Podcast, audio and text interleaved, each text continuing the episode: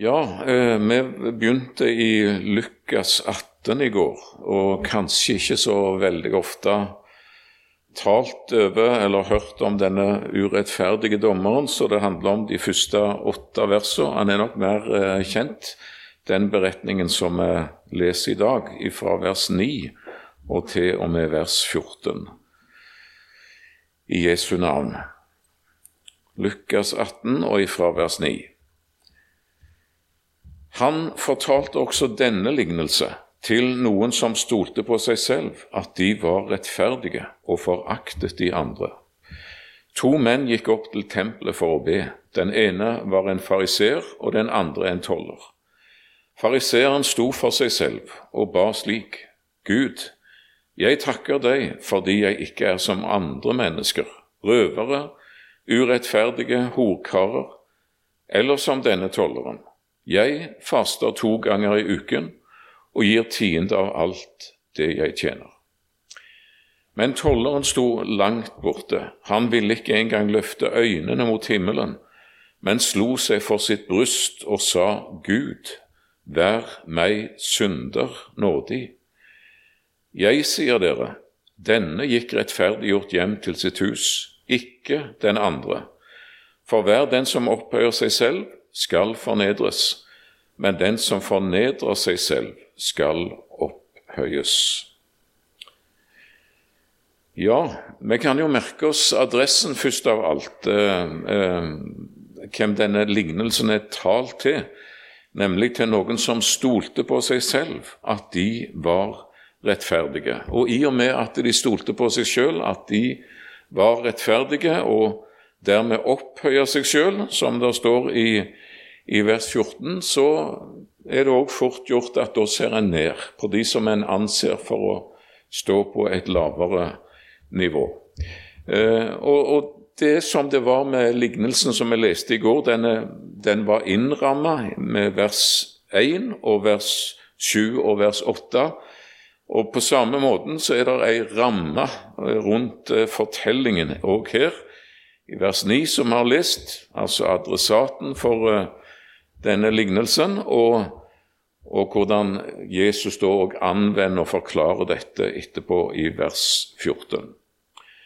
Eh, og siden det nå er sånn at eh, dessverre så er det sånn med oss mennesker at vi har sterke anlegg eh, både for fariseisme og for sjøl egen rettferdighet, så gjør vi vel i å høre på disse ord. Eh, bibelforskeren Barclay han forteller om en, eh, en jødisk rabbi som eh, en, ved en anledning uttalte det sånn at om det bare finnes to rettferdige menn i denne verden, er jeg og min sønn disse to. Og finnes det bare én, er jeg ham, eh, sa denne rabbien. Så da Ja, hva skal man si til en sånn uttalelse? Eh, to menn gikk opp til tempelet for å be. Du kan se de for deg der de går gjennom Jerusalems gater, og vi tenker på de som, eh, som eh, levende personer. Og den ene der han går gjennom gatene, så vet alle hvor han skal. Du kan stille klokka etter han. Det er bønnetime. Og han er ikke en av de som skulker unna. Han er på vei til tempelet for å be. Han er en av eh, jødenes åndelige ledere. Alle vet det. En respektert mann, en uh, mann som jeg ser går der rak i ryggen og med et vennlig smil kanskje på sine lepper, og, og hilser og smiler til mennesker som han kjenner underveis. Og så fra en annen kant av byen så kommer en helt annen skikkelse. Og det ser du med en gang. Jeg vet ikke, men jeg ser han for meg med et blikk som eh, Om det er senka, eller om det står Om han bare ser rett fram. Fordi jeg antar at det er ubehagelig å møte blikket til andre mennesker og forakten som lyser ut av det, eller de rygger som demonstrativt blir snudd imot han, eller, eh, eller de hånlige ord som uh, mumles den veien han går fram. En toller. Snakk om to ytterpunkter, da. En uh, per definisjon landsforræder som har gått over på romernes side, tatt tjeneste for de. Han er iallfall et, et mellomledd der. og Tollere var ikke ansette. De uh, kjøpte seg sin stilling og de eh, brukte den. De eh, Romerne hadde sine krav. Det var, det var et hardt skatteregime, som det var i alle de land som, var, eh, som tilhørte det romerske imperium.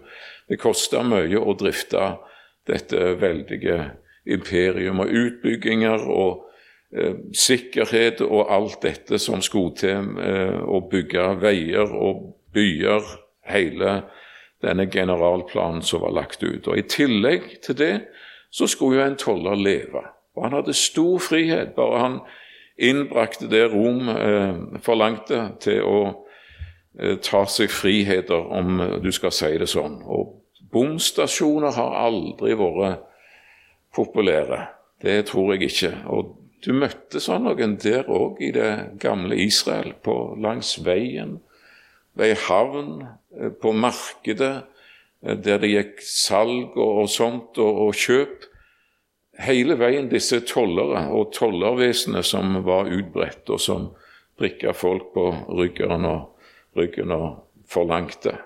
Eh, for å passere den veien og for å omsette osv. Og, og I tillegg til dette, ja, så var det jo en, en forræder per definisjon. Så vi ser disse to menn for oss, ikke sant, der de kommer ruslende. Eh, og mens alle vet at fariseerne er på vei til tempelet for å be, det er bønnetime, så ser de kanskje på den andre og tenker tro hva ugagn han er på vei for å, for å utføre nå denne gangen. Så er det sånn at du vet aldri Det har jeg tenkt på og minnet meg sjøl om noen ganger. Du, du, vet egentlig ikke hvor et menneske er på vei, altså livsretningen, eh, og der et menneske Hva retning det har. Ingen som mistenkte sikkert denne tolleren for å være på vei imot tempelet, for å be. At han gikk der med en syndenød og en syndesmerte. og kjente på ja, Guds dom over sitt liv, og, eh, og samtidig på en dragning imot, uh, imot, Herren. Det var det vel ingen som mistenkte han for. og eh, når jeg så med dette i dag, så tenkte jeg på en mann som jeg møtte for uh, noen få år siden, rett etter at han har gitt seg over til Gud. Uh, og det var det ingen som hadde mistenkt den mannen for å gjøre. Selv ikke kona, ettersom jeg husker han fortalte, hadde noen mistanke i den retning. At når han passerte bedehuset om kveldene og så lys der inne, så måtte han av og til ta seg i sammen, sa han, for ikke å stoppe opp. For det drog sånn på han, og han visste at det var, det var der jeg skulle ha vært. Ingen som mistenkte han for det. Så når han da fikk gi seg over til Gud og komme på arbeidsplassen den uh, morgen, første morgenen, om det var over ei helg, og, og registrere det at folk ser litt underlig på ham. Og så er det ei uh, der på kontoret, etter som jeg husker, så bryter lydmuren og sier Du, hva er det som har skjedd med deg? Nei, nei, ikke noe spesielt. Og så er det ja, nok, jo, det har skjedd noe med deg. Det, vi ser det. Ja, det må være det at jeg er blitt en kristen, da, sa han i løpet av nå, nå i helga. Du, liksom. Det var impulsreaksjon. Du! Eh, ingen som hadde mistenkt han for å være til, på vei til tempelet for å be, holdt jeg på å si, med en syndesmerte og med et sterkt kall ifra Herren. Det er så mye vi ikke ser. Det er så mye vi ikke vet. Og han hadde sendt ut noen prøveballonger òg, visstnok for en som han visste var en kristen. Men han mistenkte jo heller ikke denne mannen for å bli eller uh, tenke på sånne ting. Så han hadde ikke sensa det i det hele tatt og ba litt om unnskyldning etterpå. Jeg hadde aldri tenkt at du, av alle, uh, ja, skulle bli en kristen. Ja, kan vi godt tenke på. Vi møter mennesker, vi òg, langs eh, vår livsvei. Kanskje noen av de på vei til tempelet, forstå meg rett, for å be. Og så eh, er det kanskje så møter vi de i tempelet, eh, og det står om kanskje fariseeren var den første som møtte opp der, og fariseeren sto for seg selv, står der. Det er nesten som det du ser han for deg på sin faste plass, sin faste bønneplass, eh, der han står for seg selv. Det tenkte jeg òg på når jeg så her eh, med dette i dag og forberedte. Tenkte på en en uh, troende mann som jeg møtte. Han fortalte om når han ble en kristen. Jeg tror han var 17 år gammel. Han hadde gått på en kristen internatskole og ble omvendt til Gud. og Så kom han hjem til sin hjembygd, og så tenker han at jeg må gå på bedehuset, for der hører jeg til nå.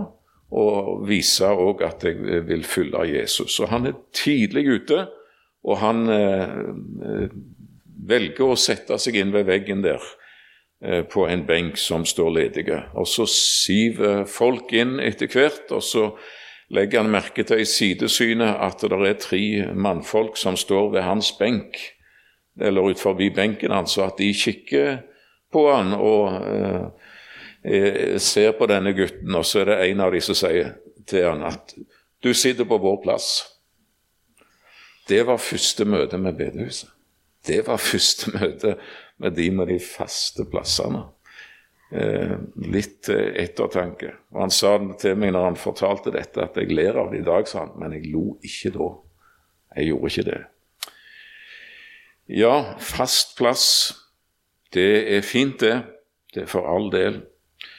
Eh, men eh, med, og som hun sa, det, jeg som var på et møte her forleden som jeg talte på, der hun kom litt seint, og så var hennes faste plass opptatt, så hun måtte finne seg en annen. Så jeg spurte etterpå hvordan gikk det. Nei, jeg fikk ingenting på dette møtet. Så, så det, det, er nå sånn. Eh, ja eh, Vi kan iallfall tenke på de som ikke har de faste plassene. Eh, en fariser som står der på sin plass og det må vi gjerne si, at fariseerne visste veldig godt at de var syndere. Det var ikke det at de mente seg å være perfekte og feilfrie. Den store dagen i året for en fariser, det var Jom Kippur. Det var forsoningsdagen. Det var den høyhellige dagen, og de visste utmerket godt at vi er syndere. Og Likevel så var det en, en en tanke om at med Guds kraft og ved Hans hjelp og ved Hans godhet, så kan vi faktisk holde Hans bud til Hans ære. Alle de 613 bud som vi har satt i sammen og utleda ut av eh, Moses sine skrifter, de 248 påbud du skal, og de tilsvarende 348 var det vel forbud. Du skal ikke. Sirlig eh, lenke opp, og det er vi forplikta på. Og det skal vi leve etter, og det vil Herren gi oss nåde og kraft til. Og så er vi syndere. Tenkte fariserene, så trenger vi nåde for der vi ikke strekker til. Så vi trenger soningen. Men når det kommer til stykket, så hører vi jo stemmen til denne, denne mannen. Og han, for så vidt så har han en synserkjennelse, men den er veldig grunn når han sier 'Gud, jeg takker deg fordi jeg ikke er som andre mennesker'. Det kan jeg ikke takke meg sjøl for. Det må jeg takke deg for, Herre. For jeg kunne så veldig lett ha havna der, jeg òg, blant tyvere urettferdige, mennesker som lever umoralsk, til og med som denne tolleren der borte i kroken. Eh, hva har han her å gjøre, forresten? Men jeg kunne kanskje ha sunket så dypt òg at jeg hadde forrådt mitt eget land, det hellige land, og gått over i fienderekker. Det er din fortjeneste. Du ga meg en god heim, du ga meg en trygg oppvekst. Jeg fikk lære eh, rett og galt. Jeg ble tatt med til tempelet.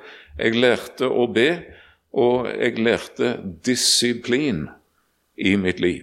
Det takker jeg deg for, for det, det har jeg ikke i meg sjøl, men det er din godhet som gjør det. Der står denne fariseeren, og han ber sin takkebønn.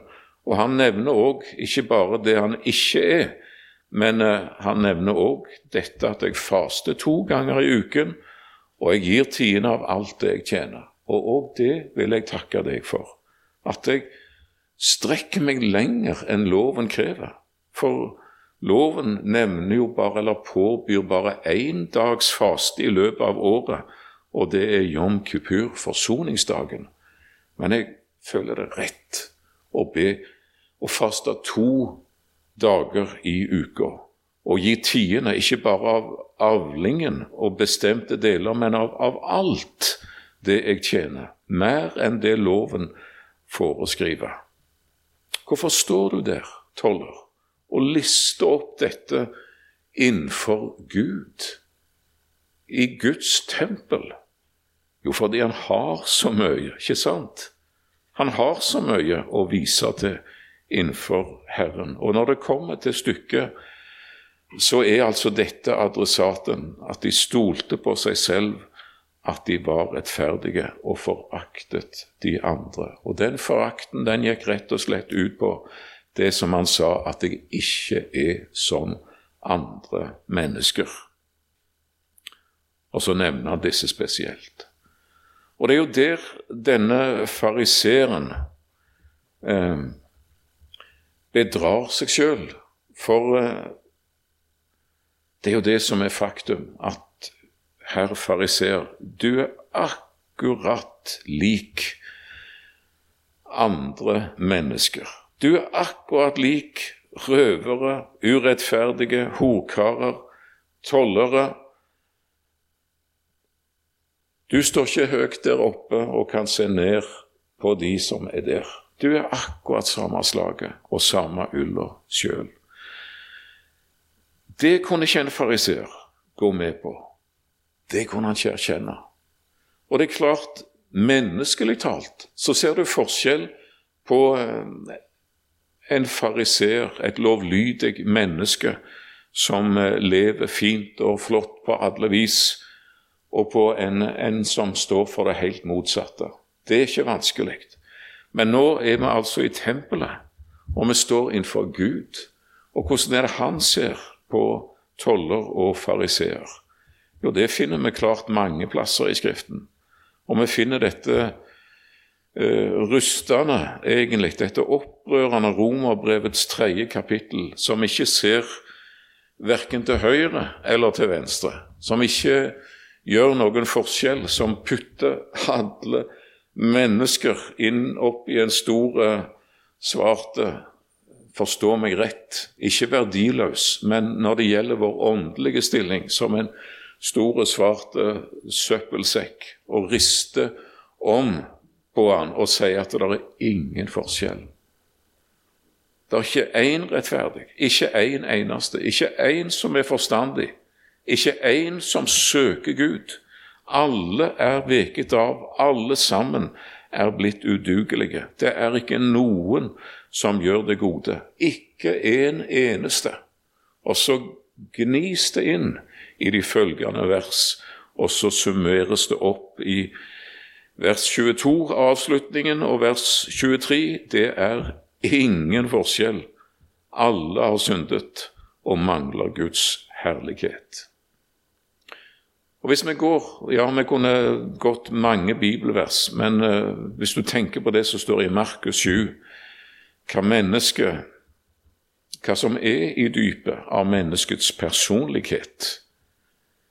I Markus 7 og vers 21 så forstår vi det at synd er ikke noe som kommer utenfra.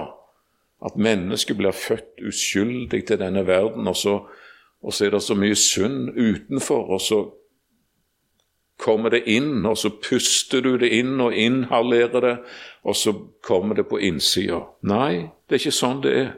Det er innenfra, fra menneskehjertet, de onde tankene kommer. Og det er det Bibelen kaller kjødet eller syndenaturen. Utukt, står det i min litt eh, eh, eldre, kanskje, bibelutgave. Tyveri, mord, hor, griskhet, ondskap, svik, utskeielser, ondt øye, spott, hovmod, uforstand. Og lista er ikke komplett. Du kan bare lese Galaterbrevet 5 og, og andre plasser òg hva kjøtt er. Og alt dette onde kommer innenfra og gjør mennesket urent. Der er det det kommer ifra. Fra det innerste av vår personlighet. Det er et fryktelig vers. Og på en måte et befriende vers òg. At alt dette kjenner Jesus til når han holder dette speilet opp for meg. Eh, og likevel dette har han tatt høyde for, og dette har han betalt for. Og du visste alt om meg før du meg kalla og ga meg plass ved nådens rike bord. Så herr fariseer, du er akkurat av samme ulla som tolleren der borte. Du har akkurat det samme, og den Gud som du står for, han ser til hjertet. Han ser ikke på fasaden, det er der han ser. Problemet er ikke først og fremst at du gjør synd, det òg, men det gjør du fordi du er en synder, og det er hovedproblemet, eh, herr fariseer. Så fariseeren, han, han var på en måte sin egen målestokk. Han sto for seg sjøl, og han eh, speilte seg i andre mennesker. Sammenligna seg med andre mennesker. Men eh, det er ikke sånn det gjelder innenfor Gud. Og Det er en, en skotske bibellærer som forteller om eh, han var på reis fra Skottland og til Yorkshire i England med tog, og han eh, sitter og ser ut av togvinduet og eh, sola skinner, det er en vakker dag, og disse sletter og alt dette vakkert. Og så ser han dette, dette vesle, hvitkalka huset eller hytta som står der midt på et jorde, og sola som står midt på. Og det, det er så vakkert. Det er som, som det er en bygning av av elfenben, av marmor, for den lyser simpelthen. Den skinner der i solskinnet, og han eh, suger dette blikket til seg. Drar til Yorkshire og er der noen dager, og så er det vinter, og så begynner det å snø, og så drar han tilbake igjen til Skottland. Samme tur eh, gjennom landskapet og med tog. Og nå ligger snøen skinnende utover disse viddene og dekker det. Og så nærmer de seg dette, dette huset, denne hytta som var så vakker. Og han eh, kikker ut av vinduet og tenker 'jeg vil se den igjen'. Og så blir han så skuffa. For den, den ligger der som om den er skittengrå. Og eh, det er liksom ingenting igjen. Den er omgitt av det glitrende snø, og imot det så falmer denne elfenbeinsbygningen som han hadde sett for seg, og ble bare grå og skitten og uvakker. Og så skriver han denne bibellæreren at uh, alt avhenger av hva du sammenligner ting med. Det er sant. Det finnes en eh, menneskelig ja, målestokk òg i Guds ord som brukes, og der snakkes det om gode mennesker. Og det snakkes om gode gjerninger. Det er den ene, den menneskelige målestokken. Men innenfor Gud, når du er målt med det absolutte krav, med lovens krav om det absolutte og fullkomne, da treder syndens flekker fram. Alt avhenger av målestokken, ikke sant? Du, du blir bedt om å, å, delta i et idrettsarrangement, kanskje til din egen forundring. 100 meter skal springes, og du eh, står der på mållinja for du er sporty og tar imot utfordringen, og du ser ved din side at der står det ei skilpadde på på streka ved sida av deg. Så smeller skuddet, og du stormer av gårde, og du Ja, du har god klaring, for å si det mildt. Og du blir intervjua etterpå, og du sier at i dag så føler jeg meg sprek som en gepard, rett og slett. Neste, neste heat, da står du igjen på målstreka, ikke sant? Men ved din stide så står det en gepard og når startskuddet smeller, så Ja, du vet hvordan det går. Den er av gårde som et lyn. Du har ingen sjanse. Du kommer langt etterpå, og du blir intervjua, og du sier at i dag så følte jeg meg treg som ei skilpadde. Det har med målestokken du bruker, ikke sant? Og der, der står denne fariseer, og han sammenligner seg med andre mennesker at jeg ikke er som den eller den. Men det er ikke den målestokken som gjelder når du står for Gud. Tida var like ens den om du sprang mot den ene eller den andre, men det var målestokken som gjorde forskjellen. Ikke sant? Sånn er det. Og jeg husker min romkamerat på Kårs folkehøgskole. Jeg husker han der han sto opp tidlig en morgen det gjorde han aldri frivillig. Eh, det kosta, og jeg ser han for meg der han har stabla seg på beina og står foran speilet. Vasken der, og speilet over det, og så står, eh, står han og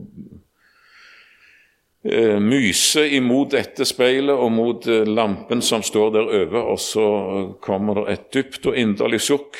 Uff, for et speil, sa Dag Otter. Og så tok han og løfta speilet av, og så snudde han det mot veggen. Da lo jeg. Jeg gjorde det. Og jeg sa det at det er ikke speilet som er problemet. Det er ikke det. Men det er et speil som holdes opp for deg og meg når vi leser Guds ord. Det er et speil som kalles loven. Og der Det stiller en høy krav. Det stiller krav om det absolutte det fullkomne. Det sier intet urent skal komme inn i staden. Og om en snubler imot ett bud, sier Jakob, så har du brutt hele loven, hele summen av det.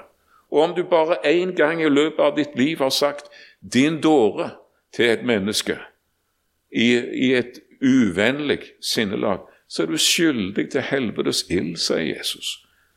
Ei sunn og ellers fullkommen og du er fortapt. Det, loven krever det umulige, det absolutte, det fullkomne av deg. Og det har ikke denne fariseeren eh, noen erkjennelse av, der han står foran sitt speil og står på sin plass. Vi må skynde oss videre, for eh, vi må ha noe med om, om denne tolleren du ser kontrasten. Han som står langt borte, og som eh, nærmest kryper i sammen og gjør seg mest mulig ubemerka. Og han er virkelig en synder. Han er det. Det er ikke noe sånn at det, eh, det er noen formildende omstendigheter. Det er ikke skuespill, det er ikke noe tillagt eller noe ting. Han vet det. Jeg er en synder for Gud. Jeg har gjort fryktelige ting. Jeg har sagt ting som jeg aldri skulle ha sagt, og jeg har gjort det ene og det andre. Han sto langt borte, og det ligger helt sikkert noe i det. Han følte seg så uendelig langt borte ifra Guds rike i det hele tatt. Og nå hadde han drista seg inn i tempelet, inn i Guds bolig, som den var regna som.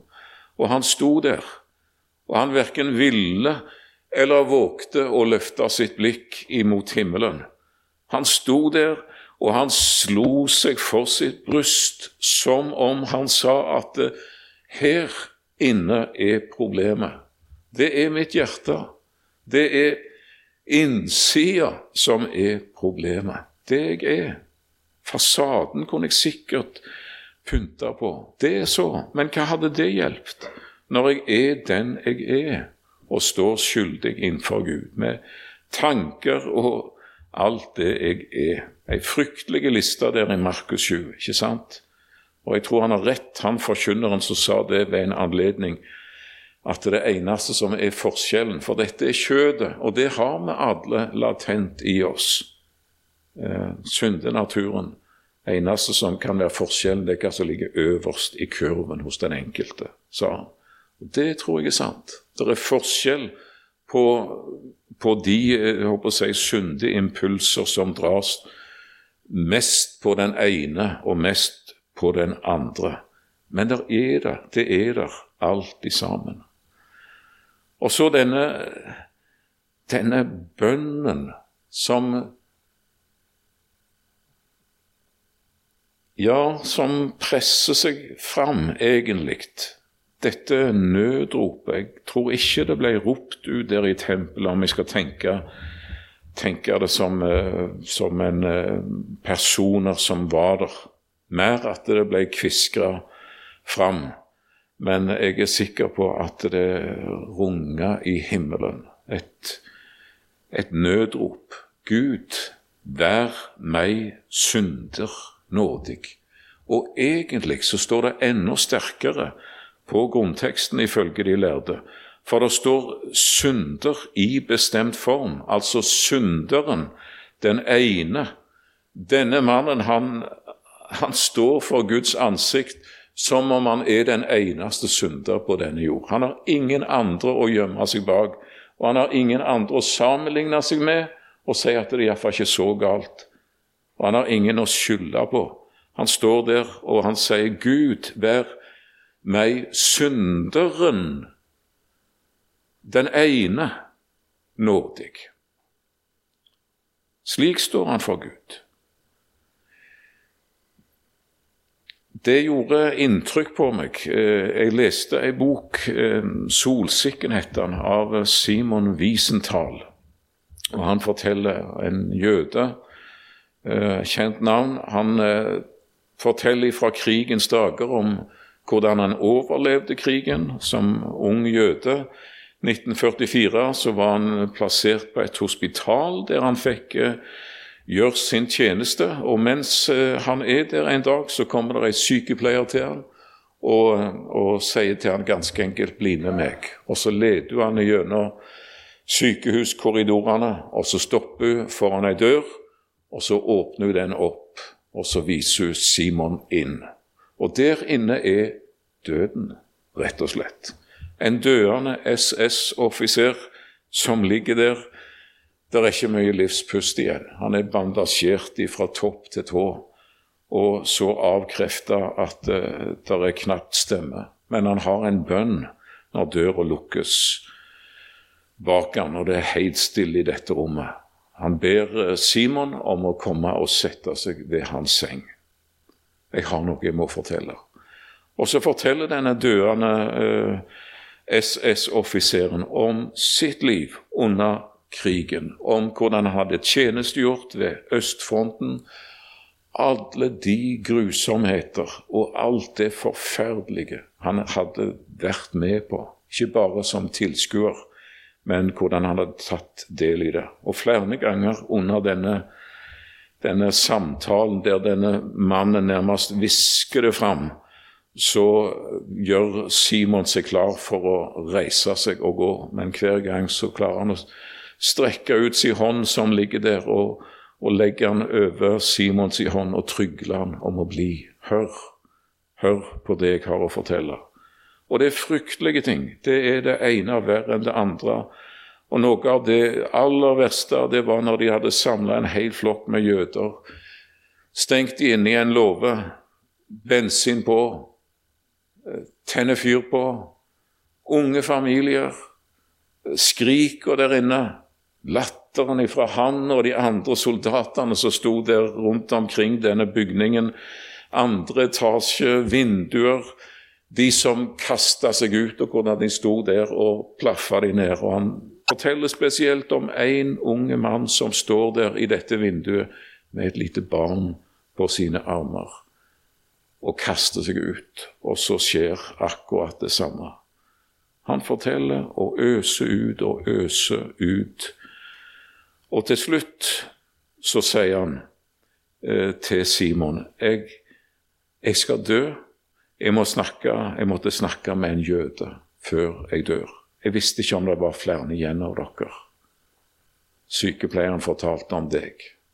Og jeg vet at det er mer enn jeg kan regne med. Men kan du tilgi meg? Kan du tilgi meg? Helt stille. Og, og, og, så sitter Simon der, og så føler han seg jo som en representant for alle jøder. Og for disse òg, som han hadde fortalt om. Stillheten, og, og så skriver de, Simon disse ordene i boka som jeg ikke glemmer. For han skriver det at uh, 'jeg bestemte meg'. Uten et ord gikk jeg ut av rommet. Ingen tilgivelse. Ja, det kunne han jo ikke heller, for du kan bare tilgi det som er retta imot deg sjøl. Kunne ikke tilgi på vegne av andre. Det er også. Men, men du, du, ser denne mannen der han ligger, og han ser en rygg ifra en som vender seg bort og går, og han ser ei dør som lukkes igjen. Tenk om Herren hadde behandla deg og meg sånn. Tenk om han vendte ryggen til og sa at deg du har overtrådt eh, Du har overtrådt din, din kvote. Du har Ja, altså ryggen og ei stengte dør. Du vet at sånn er ikke din Gud. Og jeg tror nok at denne tolleren hadde ikke venta akkurat å bli bønnhørt. Det tviler jeg sterkt på. Det gjorde heller ikke jeg den dagen i min ungdom, da jeg stoppet igjen etter et møte og snakket med en predikant. Jeg hadde ingen forhåpninger om frelse, for det prosjektet hadde jeg gitt opp og skrinlagt egentlig. Det er ikke noe som er mer overraskende enn Guds nåde. Selve ordet nåde, det, det er et merkelig og et forunderlig og et stort ord. Og det i seg så har ordet nåde dette uventa, dette oppsiktsvekkende. Det var ikke det du venta å få, ikke sant? Han vender ikke ryggen til, til den som kommer til han med sin sønn, og det er en grunn til det. Han vendte ryggen til sin sønn den dagen på korset, langfredag år 33. Det var ingen nåde for Jesus den dagen. Den dagen når han hang der med en hel verdens synd og skyld som sin egen. Han var deg den dagen på korset. Eh, for én ting er det at vi sier han tok straffen for våre synder, og det er helt rett, og det er helt sant, og det taler Bibelen mye om. Men han bar ikke bare straffen for våre synder, men han bar våre synder på sin kropp opp på treet. Og se der Guds lam, som bærer ikke bare straffen, men som bærer verdens synd. Og 2. Korinterbrev 5, vers 21, gjort til synd, Galaterbrevet 3 og vers 13 ble en forbannelse for vår skyld. Det er enda sterkere enn at, eh, at han jeg håper å si at, eh, at han tok straffa for våre synder, eller at han, Guds forbannelse kom over ham. Men han ble det fordi han var alle mennesker til alle tider den dagen på Golgata. Da vendte Gud ryggen til sin sønn og forlot ham. Og ikke bare det, men han knuste sin egen sønn For det var den eneste måten han kunne nå inn til deg på. Der går en eh, Og nå må jeg slutte av. da går en, en toller ifra tempelet i Jerusalem. Og det står ingenting om at han gikk med et smil på sine lepper. At han gikk lykkelig og, og, og følte glede og frihet og, og jubel og gleda seg over sol og alt dette. Det står det ingenting om. Det står ikke noe om at han gikk med frelsesvisshet heller, for den saks skyld. Det står ingenting om noe av det. Kanskje gjorde han det. Så flott om han gjorde det. Men det jeg vet om han, enten han gikk rak, eller om han gikk der like mismodig som han hadde vært når han kom Det jeg vet, det er det mesteren sier om han, at denne gikk rettferdiggjort hjem til sitt hus frikjent av Gud som en nullsynder som eh, aldri hadde gjort imot Guds bud. Gud, vær meg synder nådig. Det er en grunnleggende bønn for den som Ja, nå blir det sånn som det blir i, i kveld òg. Det er den, den grunnleggende bønn når et menneske begynner å lære sin Gud og seg å kjenne. Da har du ikke noe annet. Da har du ikke noe, noen annen målestokk egentlig enn det fullkomne. Og du ser jeg er og forblir en synder. Gud, vær meg synder nådig. Den bønnen den følger deg gjennom hele livet. I din ungdom, tenker jeg på meg sjøl, så har den bønnen fulgt meg. Den har fulgt meg gjennom livet, og jo eldre jeg blir, jo mer føler jeg behov for å be den bønnen. Og når siste øyeblikk på jord skulle komme, tenkte jeg når jeg så med dette i dag, om jeg skulle være noenlunde klar, så skulle det ikke forundre meg om det er den siste bønn jeg eh, om jeg har klarhet til det, og be Gud for Jesus skyld og for Hans skyld alene, vær meg nådig. Og så finnes det et vidunderlig tilsvar i Skriften. Min nåde er nok for deg. Hvor stor er Guds nåde, var det en som spurte. Stor nok, var svaret. Og det er i grunnen eh, Guds svar til deg. Stor nok for deg. Er du fornøyd med det? Er du fornøyd med det? Herre, vi takker deg for eh, så stor en frelse.